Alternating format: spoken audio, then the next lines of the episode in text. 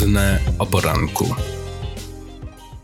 Dzień dobry, dzień dobry. Radne o poranku. E, witają Was dzisiaj Marta Mazurek, Dominika Król, Monika Danelska. Bardzo e, przepraszamy, że przez jeden tydzień nie było naszego odcinka, ale ta przerwa była spowodowana e, takimi sprawami logistycznymi, weekendowymi, świątecznymi, a spotykamy się i chcemy dzisiaj porozmawiać o książkach, bo nie tak dawno był Międzynarodowy Dzień Książki i postanowiłyśmy y, sobie, że podzielimy się mm, tutaj y, same ze sobą, ale też z naszymi słuchaczami. Słuchaczami i, słuchaczkami, tak. właśnie. Tym, czy my w ogóle czytamy, jakie mamy zwyczaje czytelnicze, co czytamy, co kiedy czytamy, czytamy i jak czytamy. czy lubimy. A przy okazji, y, wspominając naszych słuchaczy i nasze słuchaczki, serdecznie dziękujemy za y, wszystkie y, miłe słowa, za y, komentarze, także za wiadomości w, prywatne. Że jesteście z nami wciąż. I że jesteście z nami. Tak. Dziękujemy za subskrybowanie nas, za followowanie nas na Facebooku Radne o poranku podcast, a także no, ze statystyk wynika, że mm, mamy coraz więcej subskrybentów i subskrybentek, z czego się bardzo cieszymy, bo to nam naprawdę y, dodaje... Y, motywuje nas. Tak, motywuje, tak. dodaje nam energii, bo to nie jest tak łatwo y, zorganizować się. Jest nas cztery, mamy każda tutaj swoje obowiązki, życie domowe, życie zawodowe, zawodowe tak. a postanowiłyśmy nie spotykać się zdalnie, tylko właśnie po to, żeby, prawda, taka energia jakaś była. Energia, po drugie wszelkie uwagi, które do nas wpływają, pozytywne i takie inspirujące, no właśnie wykorzystujemy w różnych tematach, także no mhm. cieszymy się, że właśnie żywo uczestniczycie w tych z nami takich dyskusjach i tworzeniu tej całej przestrzeni do dyskusji mhm. Właśnie. Część tematów jest właśnie wywołana przez nasze Otóż słuchaczki i słuchaczy. Tak, no właśnie. Zatrważające są, wydaje się, tak? A może, a może nie są zatrważające. Słuchajcie, dane Mm, dotyczące y, czytelnictwa w Polsce, że w jednej e, trzeciej mm, domów, gospodarstw domowych w naszym kraju e, nie ma ani jednej książki, a mm, nie tak dawno, y, to było za ubiegły rok, y, w kwietniu 2021 roku, opublikowane były dane dotyczące właśnie czytelnictwa i okazało się, że e, na pytanie, czy przeczytałeś, przeczytałaś y, jedną chociaż książkę albo fragment książki y, przez ostatnie 12 miesięcy, 58% respondentów i respondentek odpowiedziało, że nie. I szczerze mówiąc, te dane bardzo mnie zaskoczyły. Mhm. Odbywa się takie wyzwanie na Facebooku, w którym e, to zadanie było przeczytać siedem książek w ciągu roku. Mm-hmm. I wiecie co, jak ja zobaczyłam to wyzwanie, to ono było właśnie dla mnie niesamowicie zaskakujące, bo ja się zastanawiałam, jak siedem książek? Tylko siedem no książek? No właśnie, to drugiej strony spojrzałaś, prawda? Tak, Nie, jako tak. aż, ale to, to, e, Boże, przecież ja czytam tych książek znacznie więcej. No to ile czytasz e, Słuchajcie, i wtedy właśnie jak się to wyzwanie pojawiło, to ja zaczęłam liczyć i stwierdziłam, że jest mi mhm. się w ogóle trudno doliczyć. Mm-hmm. A wiecie, było... że ja miałam w ogóle w arkuszu Excelu, robiłam sobie normalnie takie zapiski, co czytałam kiedy i ile mi wychodzi właśnie tych książek. A kiedy tak... to robiłaś teraz? Robisz? No teraz nie, trochę zarzuciłam to i powiedzmy jakieś trzy lata temu -hmm. taki właśnie Excel powstał i sobie wpisywałam sukcesywnie, to mnie jeszcze bardziej tak motywowało do tego, że -hmm. hej, no fajnie, taki, taki mój maraton to był. To tak jak do szkoły się chodziło, nie? I była ta karta czytelnicza i kto miał tak, tak więcej wypełnione, to było super. No, A propos szkoły, jakieś... Marta, nie wiem, czy tak właśnie nie poruszyłaś też ważnego tematu, bo słuchajcie, mówimy o tym, że e, gospodarstwa domowe nie do końca tutaj no, mają taką możliwość, no, czy też chęci do tego, żeby no, to czytelnictwo było takie bardziej powszechne.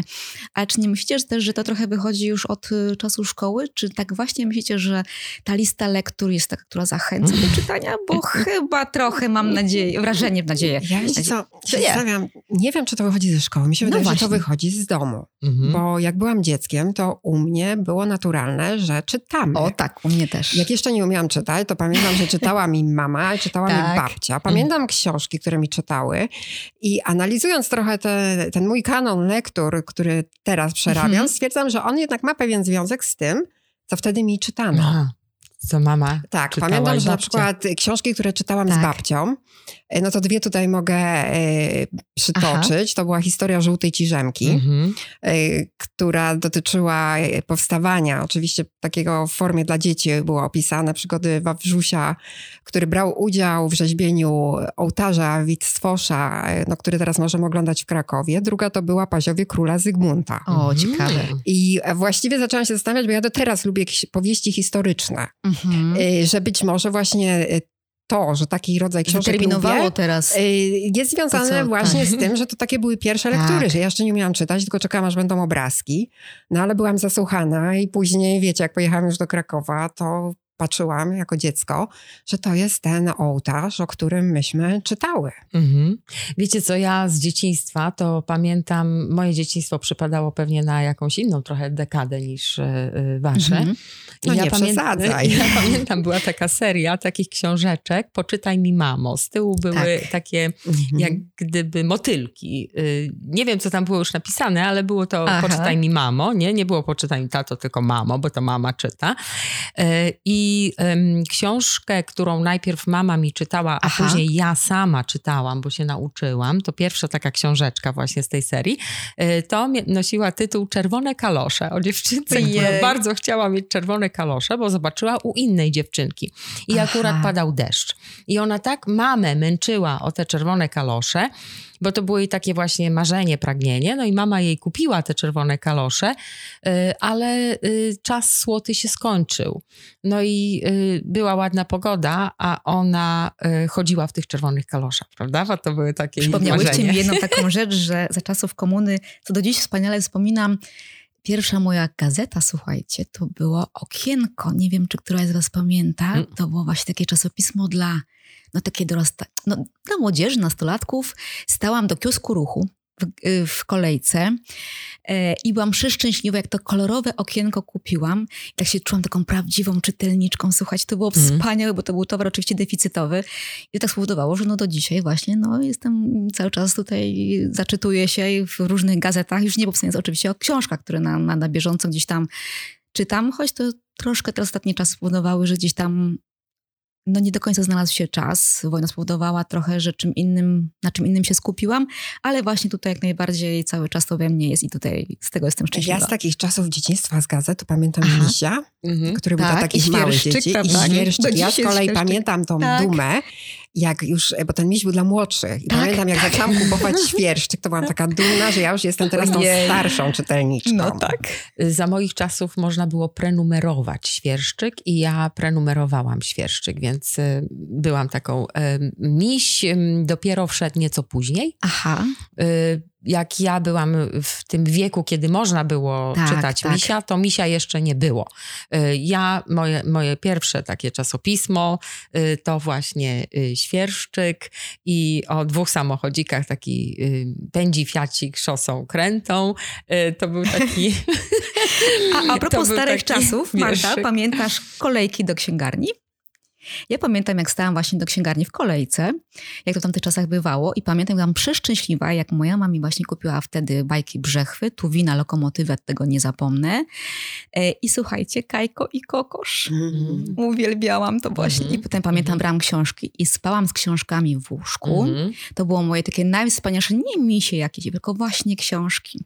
I to było coś wspaniałego, czym się delektowałam i do dzisiaj to poczucie takiego właśnie delektowania się, słuchajcie, książką pozostało, tak? Także dla mnie książka jest taka trochę świętość i nie wyobrażam sobie, gdyby książka miała gdzieś, nie wiem, leżeć na podłodze, czy, czy nie daj Boże, byłaby przeczytana, a ja nie wiem, wykorzystuję ją do jakichś, no nie wiem jakich celów, tak? Ona zawsze, tak.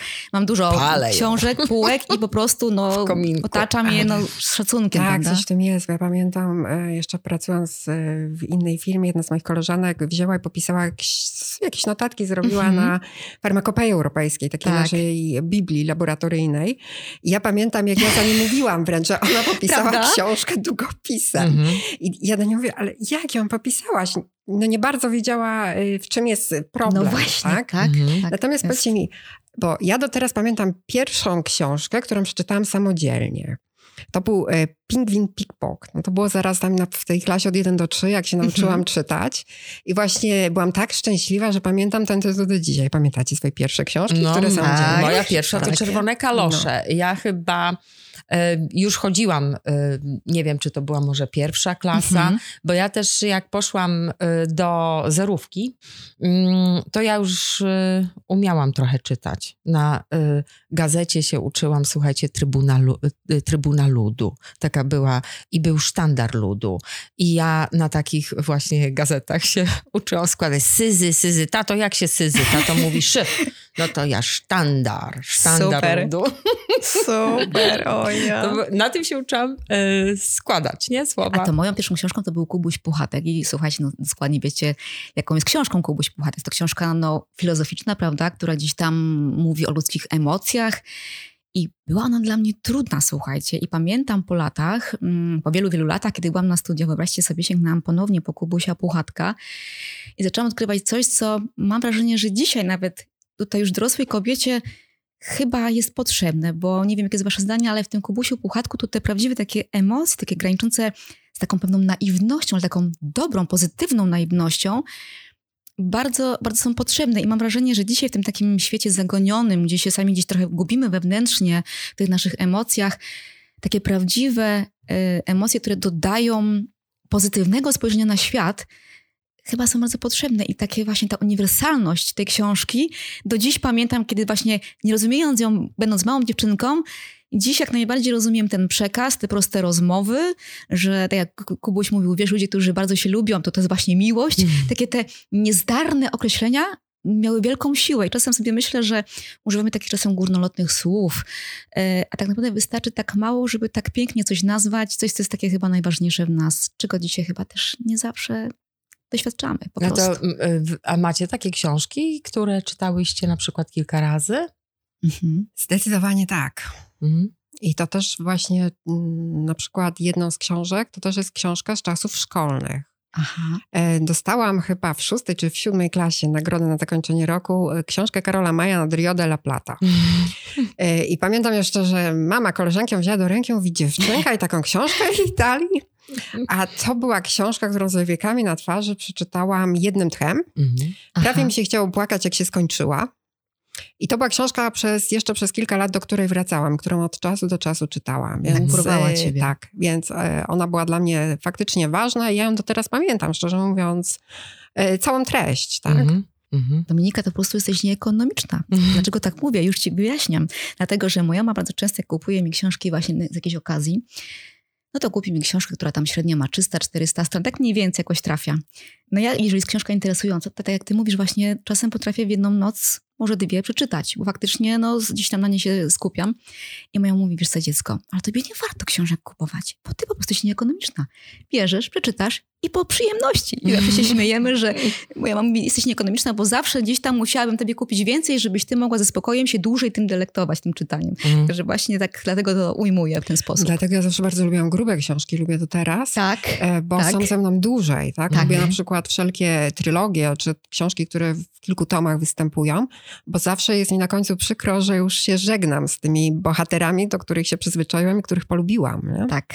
Ja, ja akurat y, przez 20 lat uczyłam literatury, więc ja jestem Aha. osobą, która y, przynajmniej ten cały kanon y, albo taki rozszerzony kanon, to czytała y, kilka razy, a miałam takie książki, y, które znałam już doskonale, no bo jak Aha. już, nie wiem, 5 lat, czy no 6 jasne. lat, czy 10 lat uczysz, y, y, oczywiście y, czytasz więcej interpretacji, żeby ją od jakiegoś tam innego może, z innej perspektywy może ją mm, ruszyć, że tak powiem, na, na zajęciach, to miałam takie książki, które za każdym razem, jak miałam przerabiać, tak to mówię, nie? Przerabiać lektury, e, to bardzo się cieszyłam, bo za każdym razem e, tę książkę czytałam i tak naprawdę najwięcej razy myślę, że przeczytałam Jądro ciemności Józefa mhm. Konrada.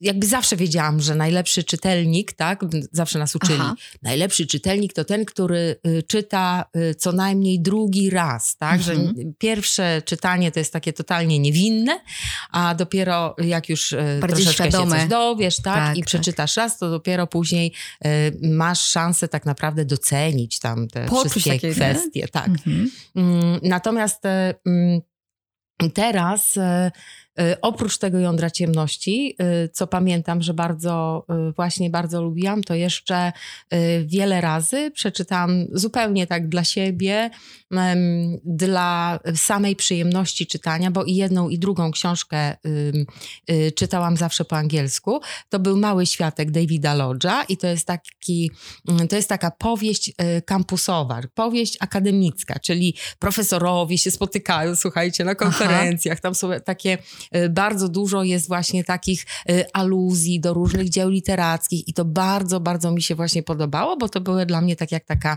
e, taka szarada. Zgaduję teraz, a to skąd, a to do mhm. czego jest y, aluzja. Więc e, takie książki. E, teraz już raczej dwa razy nie czytam. Mm, bo nie mam nie takiej potrzeby, prawda? Też. Od 2016 Aha. roku jakby nie, nie prowadzę zajęć. Natomiast e, e, wrócę do książki e, grubej, bo ja też lubię mm, książki mhm. takie. Bardziej ekonomiczne. Takie. Jestem ogromnie ekonomiczną czytelniczką. E, książki e, Rebeki Solnit, Zew Włóczęgi, opowieści wędrowne. Aha. E, książka ma ponad 400 stron. Aha. I ja tę książkę, ja naprawdę jestem dopiero na początku. Ja już w zasadzie wiem, co tam będzie, mhm. ale uwielbiam Rebekę Solnit. Jeżeli mm, nie znacie tej, bo to też, to nie jest powieść, tak? To jest bardziej eseistka. A, okay. Eseistka filozofująca mhm. tutaj. Mhm. Znana jest pewnie w Polsce najbardziej e, z takiej niedługiej, e, czy może no, niezbyt grubej książki, która zrobiła niesamowitą karierę na świecie, ale również u nas. I ta książka nosi tytuł Mężczyźni objaśniają mi świat, mm -hmm. czyli o mansplainingu, czyli o mężczyznach, Aha. którzy tak. objaśniają nam świat, tak, prawda? Słyszałam. E, tak. tak, i to była książka, która wywołała e, wiele dyskusji mm -hmm. i y, myślę, że to jest taka też fajna książka na początek, jak ktoś chciałby, y, nie wiem, no zaczynam lektury feministyczne i zastanawiam się, to właśnie Rebeka Solnic z tą książką byłaby y, taką dobrą pierwszą lekturą. Mm, ja y, w zasadzie y, chyba mam, przeczytałam wszystkie jej książki i gromadzę jej książki po prostu po polsku, nie? Że Aha. jak się, wszystkie, które się ukazują po polsku, to sobie Masz zbiór kupuję. Tak, mam mhm. zbiór.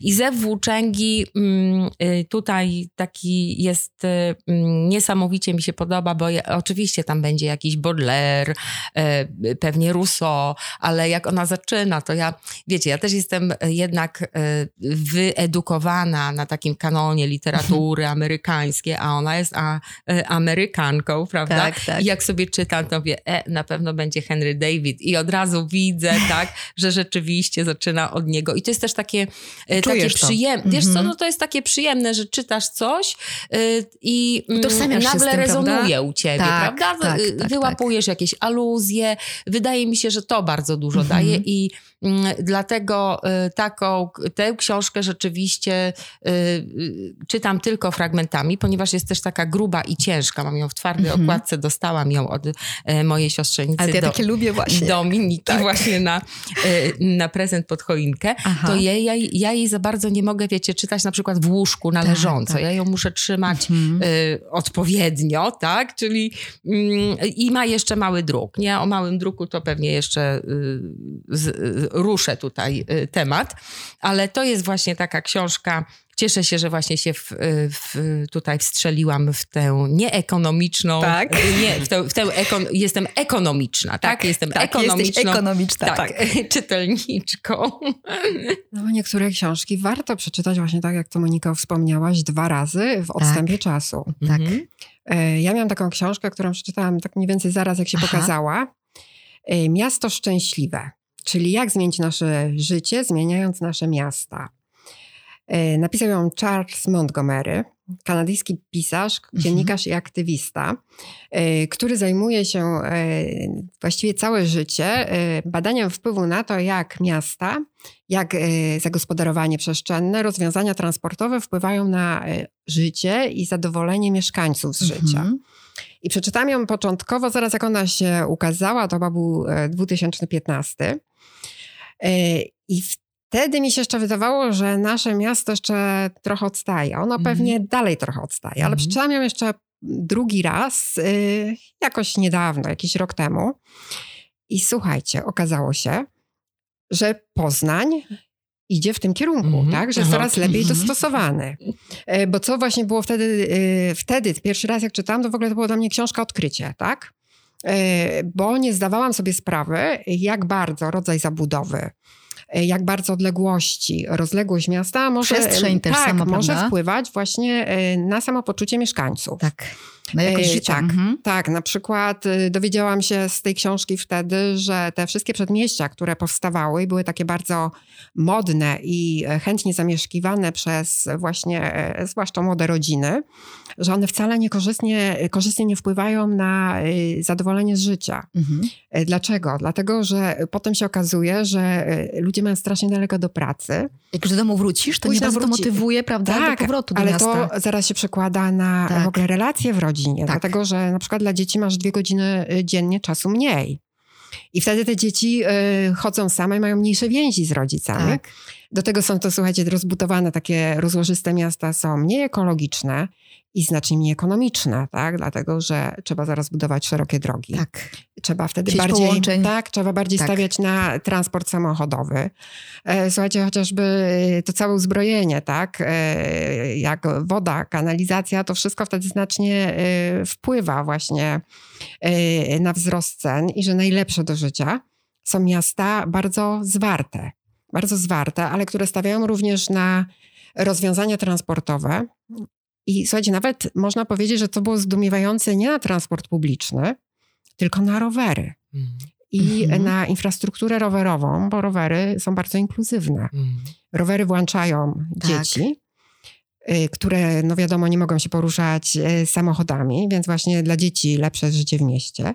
Ale co też jest y, takie zaskakujące wtedy dla mnie było, że seniorów. Mhm. Dlatego, że okazuje się, że wielu seniorów po 70 roku życia przestaje prowadzić samochód z różnych przyczyn zdrowotnych, czy też czasem z obawy. Natomiast e, rowerami mogą jeździć bardzo długo i w Holandii, która takie rozwiązania rowerowe już ma Promuje od dawna, ma, tak, e, tak, seniorzy jeżdżą do 70 tak, roku życia, tak. a nawet dłużej. A jeszcze teraz, gdy właśnie weszły te rowery elektryczne, Okazuje się, że przejeżdżają znacznie większe odległości, mają znajomych znacznie w dalszych odległościach od swojego domu, no i żyją jeszcze pełnią życia. Więc właśnie i książka tutaj promuje takie rozwiązanie i pokazuje nam, gdzie powinniśmy żyć, żeby być najszczęśliwszymi. Mhm. I, I, właśnie zwraca uwagę również na to y, w ogóle, jak y, sam wygląd ma znaczenie miasta, tak? Jakie powinny mieć kształty budowle, że ostre krawędzie ludzi zniechęcają w ogóle do chodzenia tymi ulicami, gdzie są te ostre krawędzie, albo długie no, takie... feng shui to jest, słuchaj. albo słuchajcie, długie, monotonne fasady, zniechęcają mm -hmm. ludzi do spacerów mhm. tamtędy. Mm -hmm. Także i właśnie pierwszy raz przeczytałam i no mówię, kurczę, jeszcze nam dużo brakuje, a teraz, teraz czytając tak. ponownie stwierdziłam, e, że jest coraz lepiej, tak? że ta infrastruktura rowerowa się u nas rozrasta e, i że faktycznie coraz więcej widzimy mam z dziećmi. E, na rowerach osób starszych. To prawda. I, A to teraz wiecie, ją czytałaś drugi teraz raz? Teraz drugi raz czytałam mhm, Bo niedawno. ja ją przeczytałam wtedy, jak był szał na tę książkę, mm, nie? Tak, bo tak. Y, y, Montgomery tak, był tak, nawet tak. tutaj brał udział w tak. takim y, forum w mhm. Poznaniu, tak, prawda? Mówił O, o, o tym. Y, więc może rzeczywiście warto, zachęciłaś mnie, może rzeczywiście sięgnę jeszcze raz do Co jest ciekawe, bo gdzieś właśnie spotkałam komentarz, że jest to Biblia dla urzędników i samorządowców. Tak, tak, tak jest. I że właśnie oni powinni ją czytać a mi się właśnie wydaje, że powinni tak. przeczytać wszyscy, którzy szukają dla siebie miejsca do życia, mm. bo mogą się dużo dowiedzieć, i nie wpadną w jakieś pułapki. Mhm. Tak, tak, ona inspiruje. No właśnie, jak A książki. ty teraz y, co, y, Monika, czytasz, czy ostatnio przeczytałaś? Słuchajcie, Może ja generalnie tak właśnie jestem podzieliła? osobą, która lubi literaturę faktu właśnie Mhm. i koło, gdzieś tutaj koło, koło tego aspektu wciąż chyba te moje książki się pojawiają. Mm, I ostatnio czytam właśnie książkę Anny Applebaum i Donalda Tuska, Wybór. Mhm. E, No ponieważ no, lubię tematykę polityczną, ale też takie trochę, trochę zakulisową, a właśnie tam jest mowa nie tylko o jakichś e, aspektach czy mechanizmach wielkiej polityki światowej, europejskiej, ale właśnie takie zakulisowe kwestie, anegdoty, e, z których jakiś obraz e, otaczającego nas świata i osób, które, które nami rządzą, budują ten świat, się pojawia. Mm, I to jest dla mnie taki właśnie taki też kluczowy w rozumieniu trochę tego świata, który Mhm. wokół mnie jest. I powiem wam, że chyba tak od dawna gdzieś tam w tym nurcie się obracam, ponieważ pamiętam, że o kilkanaście lat temu byłam taką wierną fanką Oriany Falaci. Mhm. Słuchajcie, która była z jednej strony bardzo kontrowersyjna, z drugiej strony bardzo inteligentna kobieta, Mhm. odważna. Nie wiem, czy miałyście okazję czytać Tak. jej wywiady, gdzie no, jej odwaga naprawdę była ogromna, gdzie potrafiła Chomeiniemu powiedzieć na przykład, że nie ma wolności, prawda, mm, w jego państwie. Giniela Lobrigidzie powiedziała, że ma nadzieję, że nie jest tak głupia, jak o niej mówią, więc no, była naprawdę kontrowersyjną osobą, ale była też mega profesjonalistką i coś, co mnie pociągało, mm, miała pasję. I faktycznie ta pasja, yy, która niekoniecznie w tezach, które ona gdzieś tam deklarowała, chociażby właśnie w ramach chociażby mm, imigrantów, mnie mm, gdzieś tam pociągała, ale pokazywała, że mm, mimo tego, że się nie zgadzałam w nią w różnych aspektach, to jednak jej profesjonalizm yy, i to odkrywanie świata, zdeterminowanie pokazywało, ile można się dowiedzieć i czy faktycznie mm, przez taką postawę ja mogę też w życiu y, coś zyskać czy stracić. Była dla mnie w, pewnych, se- w pewnym sensie inspiracją, y, bo nie tylko, że pokazywała mi świat y, polityki, prawda, ale właśnie pokazywała, jak można po prostu dążyć do tego, co się chce. Ona Mhm. była bardzo konsekwentna w tym, co robiła. Także tutaj no, ta literatura faktu właśnie A bardzo powiedz mnie... mi, bo zastanawiałam się właśnie, czy nie sięgnąć po tę książkę Mhm. Anne Applebaum i to jaką ona ma formę? Co to jest wywiad, to jest rozmowa, Tak, co tak, to jest? generalnie wywiad, to jest takie 12 takich e, błyskotliwych, e, jakby takich właśnie, można powiedzieć, wywiadów, gdzie wspólnie z Donaldem Tuskiem poruszają bardzo aktualne mm, wydarzenia międzynarodowe. Mhm. E, W pewnych momentach wręcz mnie bawiła, bo nie będę mówiła dokładnie jak, żeby tutaj No ci tak, nie zdradzić, nie- nie ale na przykład opinia Donalda Tuska o panu Zełęskim, no, no Mhm. właśnie, sama się przekona, że jest troszeczkę inna niż teraz tak myślimy o, o panu prezydencie Zełańskim. E, I mogę ci polecić, ponieważ y, ta analiza z jednej strony wydaje się, choć była to książka świeża, to ta Mhm. analiza się wydaje w wielu aspektach kompletnie nieaktualna. A w drugiej pokazuje, jak bardzo prorocze były słowa jakieś dwa lata temu, trzy lata temu, które właśnie Donald Tusk wygłaszał e, i ferował, e, i jak bardzo jego obawy Mhm. dziś się ziściły, słuchajcie. To aż mhm. po prostu przeraża tak Mhm. naprawdę, że to, Mhm. co on mówił jakieś nawet kilka miesięcy temu, dzisiaj stało się faktem. Mhm. Bo on w tej książce nawet mówi że o wojnie potencjalnej z Ukrainą. I za chwilę, dziś to już to się wydarzyło tak Mhm. naprawdę.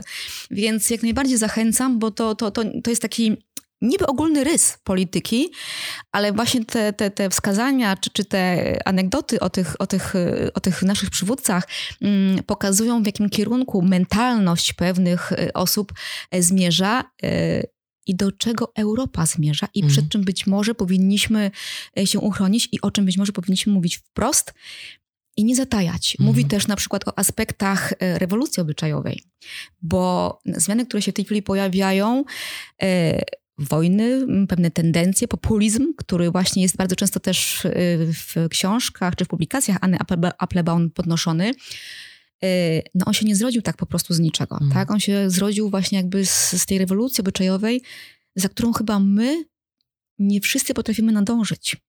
I ten rozdźwięk tak, w tej, tej naszej mentalności, brak przygotowania, czy niewyjaśnienie pewnych, pewnych aspektów, lub być może zbyt agresywne przechodzenie mm, z, z jednego poziomu y, obyczaju, obyczajowości do drugiego, powoduje, że albo w nas rodzi się bunt, e, albo się chowamy sami w sobie.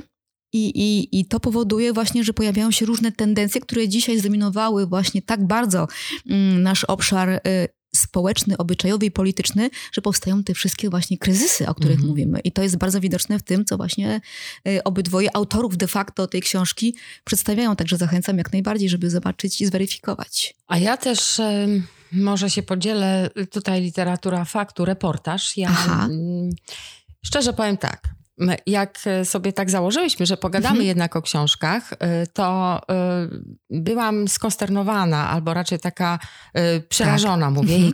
to jakie ja ostatnio książki tak naprawdę ostatnio, mhm. żebym wiedziała tak chronologicznie. Rzeczywiście, jak wybuchła pandemia, tak, tak. E, w 2020 roku, to ja nawet pamiętam, że mając trochę jednak tego czasu i próbując, tak. nie wiem, jakoś tak ogarniać i y, znajdować jakieś takie y, momenty, takie cezury trochę, tak, żebym wiedziała, ile czasu minęło, y, to podjęłam przynajmniej no, na początku, tak, takie, takie było wyzwanie czytelnicze 2020, żeby dzielić się książkami, które się czyta i ja na, wtedy Mm, chyba przez trzy miesiące, to ja y, pamiętam, że, że czytałam średnio dwie do trzech książek y, miesięcznie, ale to był mhm. czas y, taki trochę bardziej y, pandemiczny. Ja tak. nawet nagrywałam takie jak gdyby, nie wiem jak to nazwać, takie filmowe y, recenzje, czy dzieliłam się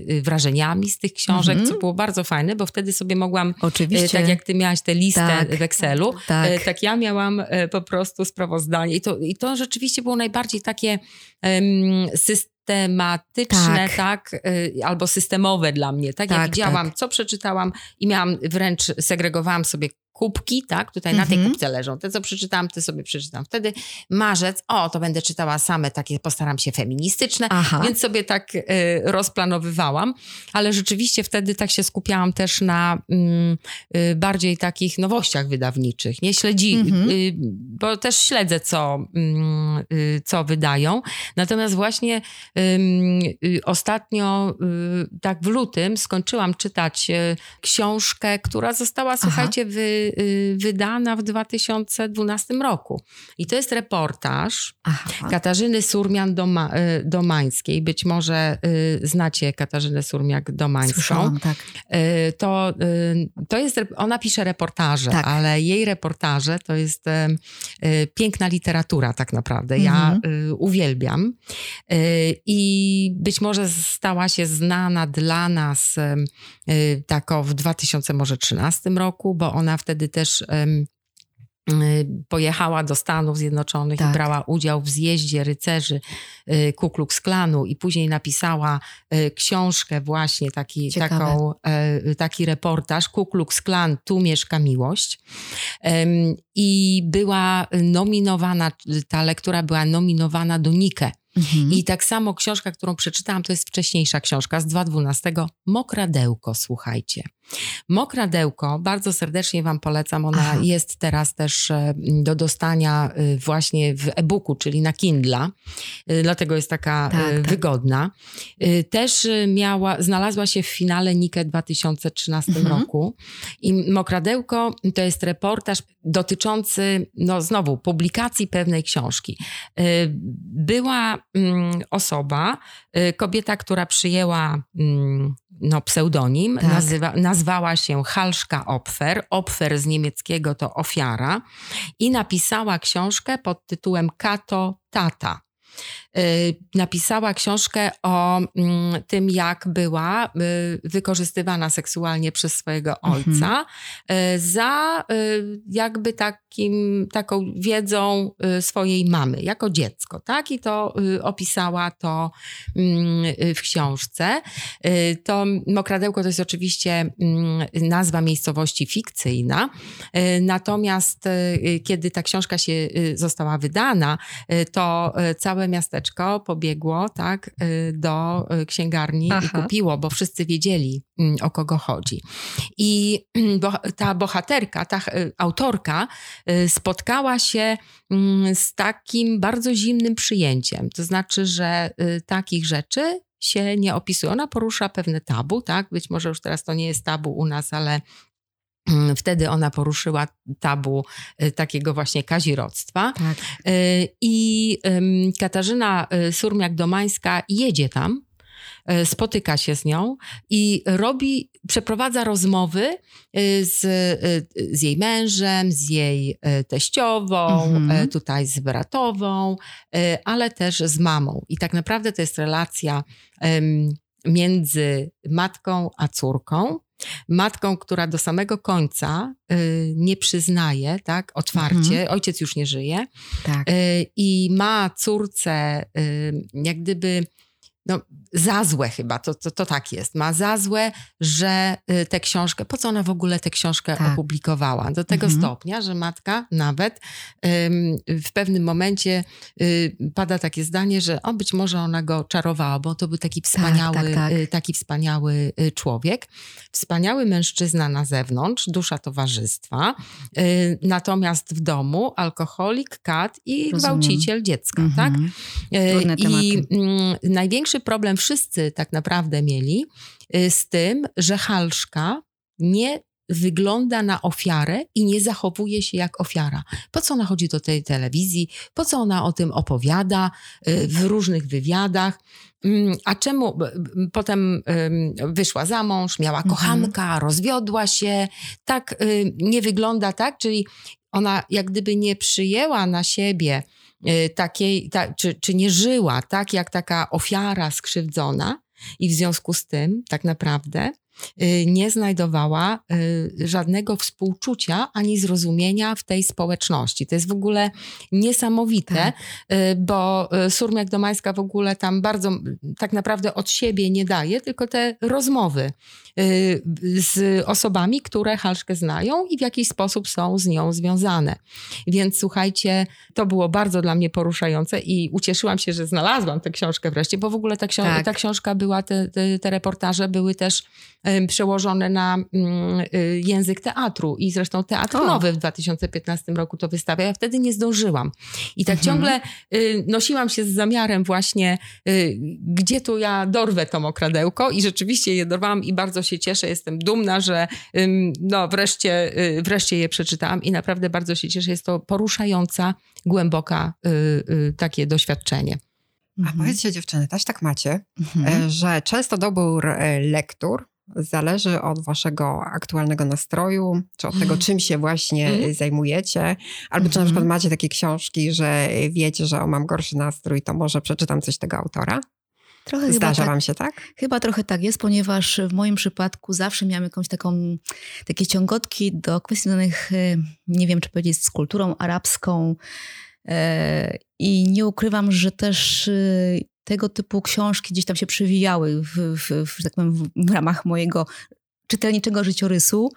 Mm, czy po prostu może takie bardziej orientalne na powiedzieć, bo nie tylko arabskie, ale na przykład Orhan Pamuk chociażby, czy Shirin Ebadi, która y, mówiła o, o sytuacji mm, nie tylko samego Iranu, ale również o, o prawach, prawach człowieka właśnie w Iranie. Y, także gdzieś tam ta tematyka y, we mnie tkwi, a to wynika z tego właśnie, że trochę tą kulturę gdzieś poznałam i, i w jakiś sposób samą kulturą się zafascynowałam. I taki ogląd, który właśnie budowałam przez te wszystkie książki, powodował, że bardziej świadomie potrafiłam powiedzieć, co jest dobrego w tej kulturze, no bo jak w każdej kulturze, prawda? Są rzeczy e, dobre, wspaniałe, które budują, no ale też to, co na przykład właśnie albo zagraża, albo niekoniecznie ja podzielam gdzieś tam fascynację pewnymi mm, aspektami. E, I faktycznie, y, faktycznie mm, bardzo często, oprócz tych książek właśnie politycznych, czy takiej właśnie literatury faktu, często gdzieś tam do tych, do tych książek, które są inne właśnie jakby też w odbiorze, zupełnie inna jest jakby mm, cała kwestia czasoprzestrzeni, prawda, bo inaczej oni też trochę świat postrzegają przez tą swoją y, kulturę, no powoduje, że zawsze gdzieś tam się czułam po tych książkach bardziej wzbogacona i mm, bardziej świadoma w różnych dyskursach, e, prawda? E, także, a, a, też wam zdradzę, że nawet doktorat chciałam robić tutaj e, o takiej postaci między innymi jak Al-Ghazali, e, także może kiedyś to się uda. Mm, I pewnie gdybym, tak sobie myślę, że gdybym nie była może z tą polityką tak mocno związana, to może nawet robiłabym studia w, w kierunku związanym gdzieś tam właśnie z, z arabistyką, bo gdzieś tam to mnie fascynuje, tym bardziej, że też no, miałam okazję i mieszkać trochę i z Kurdami na przykład, Także gdzieś tam te orientalne nuty gdzieś tam ciągle koło mnie powiewają e, i, inspirują. Mm, czasem nawet, bym wam szczerze, przerażają, ale przez to właśnie, że gdzieś tam to wszystko jestem w stanie wyczytać, zapoznać się mm, przez tą właśnie kulturę czytelniczą, powoduje, że, że czuję się taka bardziej e, świadoma w, w, w, tym całym dyskursie i, i kiedy nawet gdzieś tam jadę, prawda, jakieś tam dalekie rejony świata i poznaję, to i z szacunkiem podchodzę do tej kultury tak naprawdę, która ma niebagatelny wpływ, mm, a z drugiej strony y, jestem dumna, że żyję w tym miejscu, w którym żyję i, i, i czuję, że moja kultura też potrafiła wiele dać. Także mam taki ogląd sytuacji całościowy i, i, i, myślę, że takie właśnie porównanie nawet tych dwóch takich jakby światów by się wydawało, prawda, poprzez te książki. Mm, między innymi właśnie chociażby o Jany Falaczy, która właśnie pisała y, książki bardzo mocno związane z, z, z krytyką islamu. E, no, no, mm, gdzieś tam potrafiłam w jakiś sposób też wyostrzyć, tak powiem, taki swój światopogląd na, na tego typu kwestie. Także tak, nastrój i to, co lubimy, jak najbardziej no. przekłada się na zapatrywania czytelnicze. Ja na przykład zauważyłam, że dobór lektur zmienia się z etapami mojego życia, mm. że to też właśnie patrząc tak. na to mm -hmm. wszystko, co się przeczytało, e, wyraźnie tak e, zaznacza te zmiany, które zachodzą również w życiu. Mm -hmm. Pamiętam, że tak w okresie jeszcze szkoły średniej i studiów byłam bardzo zafascynowana książkami o tematyce górskiej. O. Tu muszę powiedzieć, że pierwszą taką książkę mi podrzucił tata który mhm. zresztą zawsze góry bardzo lubił, jeszcze dużo I chodził po górach, zachęcić. teraz chodzi po górach, tak? I, I, to była książka K2, Triumf i Tragedia, która mhm. opisywała wydarzenia z 1986 roku, gdzie pod y, górą spotkało się aż dziewięć e, ekip e, z różnych wypraw. E, wtedy bardzo dużo osób weszło i zdobyło ten szczyt, ale też niestety bardzo dużo zginęło, mhm. bo zginęło 13 osób. E, I później e, takie było dla mnie dosyć naturalne, że wybierałam kolejne książki tego typu. Byli to alpiniści, e, Adama Bilczewskiego, bardzo fajny taki zbiór opowiadań. Później były rozmowy o Everestie, Leszka Aha. Cichego, Krzysztofa Wielickiego, którzy w 1980 roku jako pierwsi zdobyli Everest mhm. zimą i właściwie zapoczątkowali tą taką super epokę polskiego himalaizmu. E, no, sporo było tych mhm. książek. Oczywiście nie można zapomnieć o anatomii góry, czy każdemu jego Everest, Falco Donsala i e, to był taki moment, gdzie ja bardzo dużo chodziłam po górach. I tak naprawdę, mhm. słuchajcie, czytając te książki jeszcze mhm. w liceum, tak. myślałam sobie, że też bym tak chciała. I wiecie, że ta, ta fascynacja czytelnicza zaowocowała tym, że ja na studiach zaczęłam bardzo dużo chodzić po górach i potem zaczęłam się nawet spinać. O! E, tak, zrobiłam wtedy kurs taternika, wspinałam się i w skałach, i, i w Tatrach. I wtedy właśnie to była ta taka ważna dla mnie część czytelnictwa. Natomiast teraz też oczywiście lubię jeszcze czytać, mhm. ale właśnie tak. widzę, E, że teraz jednak ten dobór książek jest inny i gdy zajmuję się miastem, e, to właśnie wybieram takie książki, e, które są teraz związane z tym okresem życia i z tym, co robię. Bo jak już właśnie tutaj wspomniane przed chwilą te Miasto Szczęśliwe, tak później z tego cyklu, bo to jest w ogóle mhm. cykl taki, tak, całe tak. Miasto Szczęśliwe. Czytam następne książki, jak rowery mogą zmieniać świat, mogą uratować świat, E, czy potem teraz e, najnowsze wydanie e, Miasto Życzliwe. I teraz właśnie idę bardziej w tą stronę taką. Oczywiście też tak. mam też książki na handrę, tak? Zawsze od takich czasów jeszcze właśnie też jak byłam nastolatką to jak naprawdę miałam handrę, to czytałam Chmielewską. Mm. I to, słuchajcie, to nie musiałam nawet czytać tak, całej tak. książki. Brałam, otwierałam, tak? e, poczytałam godzinę. To jest, e, każdy, kto czytał, wie, mm. że są to książki bardzo zabawne, pośmiałam się. Swoista terapia. E, tak, taka terapia śmiechem, nastrój się zmieniał. Także... Mm no książki odgrywają niesamowitą rolę w naszym życiu. Tutaj chyba wszystkie się e, zgodzimy. Mhm. Nie wyobrażam sobie tak naprawdę e, życia bez tak. książek. No ja, no ja to nie wiem, co mam powiedzieć, bo ja y, nawet y, uczę literatury z zawodu, prawda? Więc no, słuchajcie, oczywiście. a powiedzcie, a na przykład zdarzyło się wam, że jak już książkę czytałyście i potem była ekranizacja, to chciałyście właśnie iść zobaczyć tą książkę, no wiadomo, zawsze ekranizacja jest inną, inną jakby innym wymiarem takiej książki. Mhm. Chciałyście iść zobaczyć właśnie, czy, czy mówicie nie, no bo zawsze wiadomo, że ekranizacja taka bardziej spłaszczona się wydaje niż to, co jest w książce. Jak to, jak to u was było? Ja mam problem, Albo jest. Ja mam problem, y, jeżeli y, główni bohaterowie nie oddają mojego wyobrażenia czy opisu tak. o tych osobach w książce, jak na przykład e, Aha. jak na przykład w Pustyni w Puszczy Henryka Sienkiewicza, tak? Nelly jest opisana tak. jako blondynka, a w drugiej ekranizacji tej powieści Nel była e, ciemnowłosa i to budziło taki mój wtedy e, dyskomfort tak, jakiś, tak? tak? Więc mhm. e, tutaj niestety czasem się może to rozminąć z naszymi tak. wyobrażeniami o tym, co się dzieje w książce o bohaterach. Moje y, się, ja staram się zawsze y, przeczytać y, książkę, jeżeli wiem, że pojawia się jakaś głośna ekranizacja. Natomiast na pewno w drugą stronę miałam miałam e, z, mhm. Pamiętni z pamiętnikiem Bridget Jones. Ja tak? przeczytałam pamiętnik Bridget Jones ja też. i później zobaczyłam mm, film i zakochałam się w tym filmie, natomiast tak. w książce wcale nie. I y, był o wiele lepiej y, tak e, zrobiony, tak? Mm -hmm. Był o wiele bardziej dowcipny, choć książka też była bardzo dowcipna, tak. ale mm, y, również dobór aktorów, ponieważ ja sobie ich tak za bardzo nie wyobrażałam. Tutaj ta, o, o czym ty mówisz, Dominiko, to taka jest tak, jest taka teoria, odbioru dzieła literackiego Ingardena, że my jak mhm. czytamy, to widzimy takie fragmenty. Reszta e, jest taka trochę mglista. Aha. I jak nam się to gdzieś w filmie skonkretyzuje, to zazwyczaj to powoduje nasz opór, bo E, my mhm. sobie coś innego wyobrażaliśmy. Może tak naprawdę nie do końca sobie wyobrażaliśmy, ale właśnie to nie do końca jest to fajne. Jasne. To, y, taki potencjał ma w sobie. Nie? Tak. Dlatego każda ekranizacja jest też zubożeniem. Nie? No Natomiast właśnie. tutaj Bridget Jones y, u mnie po prostu Mistrzostwo Świata uważam. I teraz mhm. Y, przy okazji powiem, bo właśnie mm, na Apple TV będzie serial E, wchodzi pod tytułem Wąż z Essex. E, mhm. I mm, e, Wąż z Essex jest oparty na powieści, na powieści o tym samym tytule, tak. napisanej przez Sarę Grace Perry, którą miałam mhm. szczęście, mhm. słuchajcie, tak. poznać na literackim o. Sopocie. Super. I to jest niesamowita, tak. poza tym, że pisarka jest wspaniała, jest wspaniałą osobą. Słyszałam Książka jest świetna i teraz Claire Danes, hello, moja e, ulubiona aktorka, więc bardzo się cieszę, że, e, że mm, no, przeczytałam tę książkę, tak? I będę sobie mogła tutaj porównać albo mieć ten efekt, no nie. Chociaż ja oczywiście Claire Danes bardzo się cieszę, że ona została obsadzona w głównej roli. No i słuchajcie, to tak się zastanawiam jeszcze, a co byście jedną książkę którą byśmy poleciły tutaj sobie nawzajem, ale też e, słuchaczom, słuchaczkom, jeżeli y, znajdą trochę czasu. Oj, to ja miałabym problem, bo jest tak dużo fantastycznych książek, które czytałam i które jeszcze przede mną, że chyba nie zdecydujesz na, na to, żeby polecić. Musisz wybrać jedną. Na pewno powiem, ale na pewno powiem, że ym, bardzo ciekawe dla mnie było doświadczenie, które koleżanka mi poleciła tak naprawdę, mm. moja lektorka z języka niemieckiego.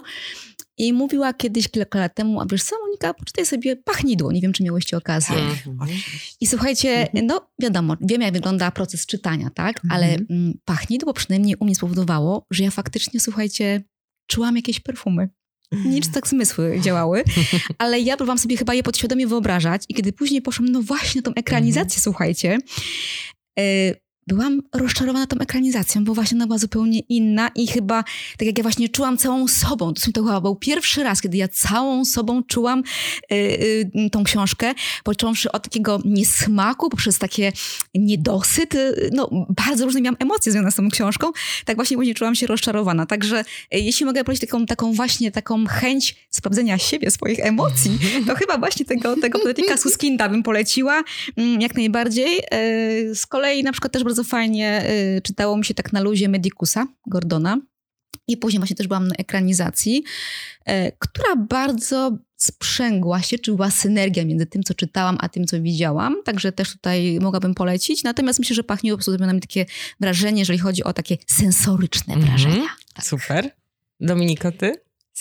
No to jest faktycznie, tak Monika powiedziałaś, jest bardzo trudne wybrać, co polecić, tak. bo tych książek przeczytałyśmy takich, tak. byśmy się chcieli powiedzieli bardzo dużo. Bardzo, tak. Ale ja jednak bym wróciła do tego, co już y, mówiłam, jest to szczęśliwe. Mm -hmm. Dlatego, że uważam, że wtedy mm -hmm. wszystkim nam żyłoby się lepiej, jakby każdy je o, przeczytał. Tak, tak.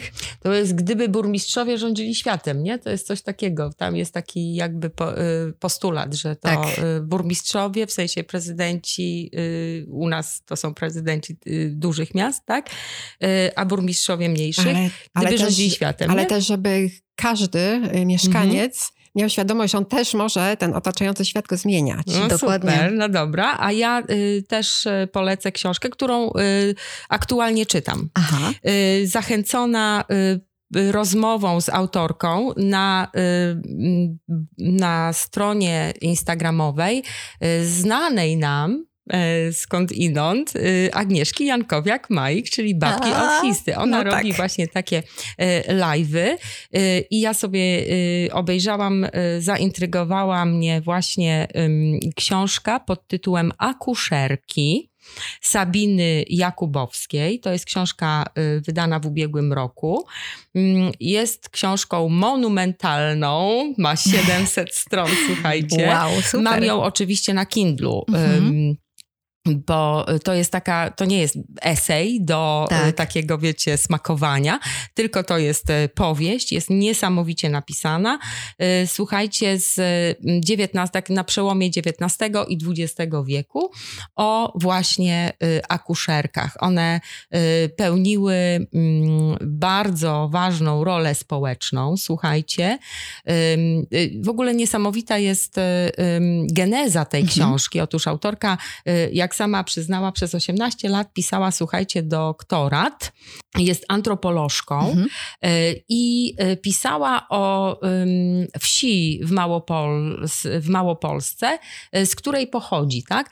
Pisała o imionach tak naprawdę, jakie tam Aha. imiona nadawali. No i studiowała te materiały, słuchajcie, te księgi, wszystkie te dokumenty i w ogóle zobaczyła, że w niektórych dokumentach, tam przy chrztach, przy czymś pojawia się nazwisko jej babki babki Anny Czerneckiej, a jej, bab, e, jej prababki. I jej prababka była akuszerką, słuchajcie. Mhm. I to jest niesamowite, bo, ta, opo- tak, bo to jest, to jest opowieść właśnie... Mm, pewnie tak wiemy, nie? że jak już medycyna y, została nauką, no to y, wiadomo, że kobiety zostały wyrugowane na rzecz oczywiście lekarzy, prawda? Tak, oczywiście. A tutaj to jest taki świetny zapis właśnie y, y, takiej historii, ale opowiedziany wartko, bo bohaterką jest Franciszka. Franciszka rodzi dziecko, dziecko mhm. umiera, prawda? Przychodzi jej, odbiera, tak? Y, y, ten poród, przychodzi jej przybrana matka, która jest akuszerką, i przekazuje jej e, ten taki, tę umiejętność, mhm. tak, I, i tę rolę. No i ona się, jestem jak ona już teraz będzie wyjeżdżać do szkoły akuszerek. O. Ale to jest niesamowite, bo wiecie, tak. Y, y, sposób, mhm. w jaki to jest opisane, to jest bardzo dużo takiej, takiej cielesności, Osobisty aspekt takiej biologii, mhm. takiego, wiecie, y, bardzo dużo mhm. takiego przeżywania, o. wyobrażonego oczywiście, ale tak. pamiętajmy, że to jest osoba, która wie, co pisze, bo ona po Oczywiście. prostu e, wszystko to przestudiowała i takiego, e, z takiej sfery właśnie takiego kobiecego doświadczenia. Bardzo ciekawe. W ogóle autorka jest dulą. Mhm. To też jest y, y, niesamowite, bo ona sama y, jest osobą towarzyszącą przy porodach i to po prostu z jaką, jak ona to opisuje, tam pewne takie zmiany, tak, że tak. tu czy lepiej jest leżeć, czy lepiej może jest pochodzić, a może lepiej jest kucnąć, czy uklęknąć, prawda? W mhm. ogóle bardzo, bardzo takie dla mnie nie tylko wartka i no pełna różnych takich wydarzeń, bo to przecież tam bieda jest na tej wsi i tak dalej, prawda? Ale y, i mhm. okrucieństwo też y, tak, tak, również. Mm, więc taka nie tylko świetnie napisana, ale mhm. też tak, taka dająca nam pogląd, jaką rolę pełniły akuszerki. Więc ja tę książkę wam polecam, bo ja jestem, ja po prostu No, nie mogę się od niej zainspirowałaś mnie, odebrać. tak, oderwać. Tutaj, słuchajcie, widzę, że musimy zmierzać do końca. a Ja powiem, że ja czuję straszny niedosyt, bo jeszcze jest No, tyle książek, które są warte omówienia. A I w słuchajcie, ciągu tej naszej rozmowy nie zdążyłam No powiedzieć ani o Rutherford, Edwardzie, który, Edwardzie Rutherfordzie, który pisał e, epickie powieści historyczne. Aha. Nie poruszyłam Herezińskiej, którą strasznie lubię. No. Znaczy nie będziemy musiały nagrać jeszcze jednego Masakra. odcinka. Oj, tak, A może tak. słuchajcie, a może warto by było, żebyśmy y, do tego odcinka y, może zrobiły jakąś listę, każda z nas dziesięciu książek, które e, zrobiły dla nas Mhm. wrażenie, czy tam pięciu, no bo tak dziesięć to może za długie nawet, ale takich wybierzmy sobie pięć książek, które polecamy i dołączymy do y, opisu pod podcastem. I No, będzie to to świetny pomysł. i będzie to od nas dla nas i dla naszych słuchaczek i No słuchaczy. pewnie. A słuchajcie, tak na koniec zapytam wam się dziewczyny, bo tak mam poczucie, że jestem trochę staroświecka, ale to staroświeckość bardzo mi się podoba, nie ukrywam. No, jak lubicie czytać książki? Czy tak właśnie taką, taką książkę, którą czujecie w dłoni, z tą okładką, tą czasem ciężką, tą właśnie ekonomiczną, bądź nie? Czy właśnie, tak jak na przykład moja córa właśnie mm, e-book Kindle, tak jak tu wspominasz właśnie Marta, no bo to wiadomo jest takie łatwe, jak, jak się na wakacje, prawda, schowasz, schowasz e-booka, ale ja tak strasznie lubię celebrować. I jak to jest po waszej stronie właśnie? Jak wy w ogóle ten proces tego czytania e, robicie? No ja mam e, taki, tak, e, oczywiście, że Kindle, ja już mam Mhm. e, bardzo długo Kindla, ym, a e, ostatnio zaczęłam Kindla używać mm, o wiele częściej, Mhm. dlatego, że ja po prostu mogę sobie zwiększyć ten druk, tak? Tak. I to jest ta kwestia, że Kindle okazuje się być bardziej dostępny. Super. Y, Natomiast książki są często wydawane Tak, bardzo, prawda. bardzo małym drukiem.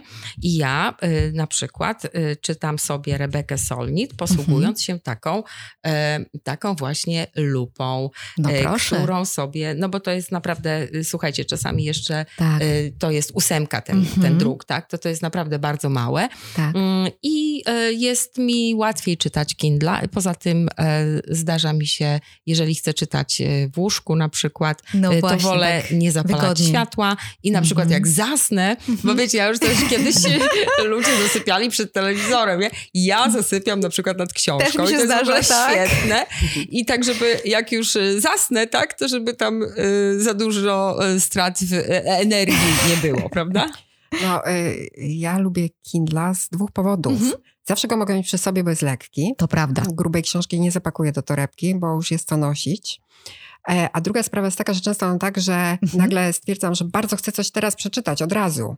I Rozumiem. wtedy mogę to kupić No, w ciągu prawda. pięciu minut To i mogę prawda. zacząć Tak. czytać. I to Mhm. są te jego naprawdę duże zalety. Ale oczywiście książki papierowe, jak Mhm. kupię, to też lubię. Ja sobie zawsze świeczuszkę zapalę, dobrą herbatkę zrobię i to faktycznie dla mnie moment takiego relaksu. Także no właśnie też doceniam właśnie tak jak wy opowiadacie o tym Kindlu, bo moja córka właśnie tak namiętnie czyta w tej formule. Ja też próbowałam, ale chyba jestem właśnie taką zwolenniczką, póki mogę, tej właśnie Mhm. wersji papierowej. Mhm. No super, no to też e, Kindle są też, e, e-booki są tańsze, nie? To e, Tak, tutaj naturalnie. jest jeszcze kolejny aspekt, pewien taki aspekt ekonomiczny.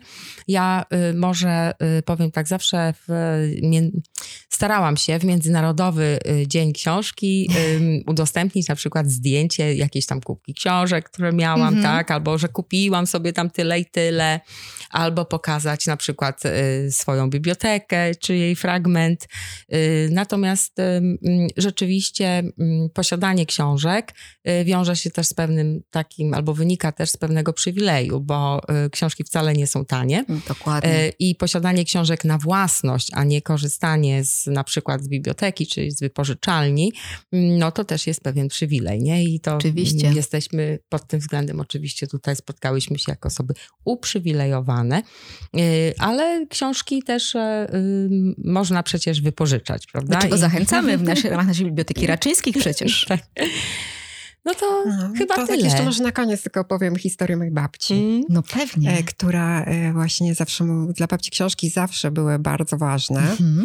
I właśnie opowiedziałam jej bardzo taką e, budującą opowieść, że jak zmarł dziadek, Tak. e, to jej koleżanki z pracy przyszły na stypę i każda przyniosła jej książkę. I powiedziały jej, goście wyjdą, a książka zostanie. I babcia mówi, że wtedy te książki, które one Wspaniałe przyniosły, podejście. Mhm. bardzo jej pomogły. Pomogły, bo ona tak. faktycznie je czytała i oderwała się Mhm. trochę, zapomniała, a przede wszystkim e, też to przesłanie, które te koleżanki, Tak, że tak. jesteśmy z tobą, tak, chcemy ci pomóc, to właśnie wyraziły za pomocą tego prezentu tych książek. No, książka jako terapia, nie? Tak, Książka jako tak. terapia, słuchajcie, no y, zresztą to, nie wiem, u mnie tak było, wzmożone jakby takie czytelnictwo, znaczy y, jak już zmieni, jak już odeszłam y, y, od tej swojej wykonywania pracy takiej, że uczę literatury, to rzeczywiście w czasie pandemii książka była tak, takim właśnie oderwaniem się. Teraz, jak wybuchła wojna, to też zauważyłam, że takie dłuższe formy sprawiają, że się na tym skupiam. Staram się, y, żeby to właśnie były takie y, powieści, które mnie wciągną, bo to rzeczywiście jest y, terapeutyczne. Tak, tak. I życzymy wszystkim, e, żeby czytali i czytały i żeby napotykali takie książki, które, od których nie mogą się No oderwać. właśnie. I niekoniecznie tylko terapeutycznie. Bardzo serdecznie dziękujemy. E, Marta Mazurek. Dominika Król. Monika Danelska. Jeżeli podobał Wam się ten odcinek, zachęcamy do subskrybowania nas na wszystkich możliwych kanałach mm, y, dystrybucji. Za przygotowanie, nagranie oraz opracowanie, zmiksowanie y, tego odcinka, jak zwykle odpowiada Jacek Kordus, któremu Za co dziękujemy. dziękujemy. Bardzo dziękujemy. który nie pytany, ale się wypowie. Ja polecę Buntowniczki, czyli historię Mary Wollstonecraft i jej córki Mary Shelley, autorstwa Charlotte Gordon. Do usłyszenia. Do Do Do usłyszenia. usłyszenia. A ja jeszcze nic o kryminałach nie zdążyłam powiedzieć.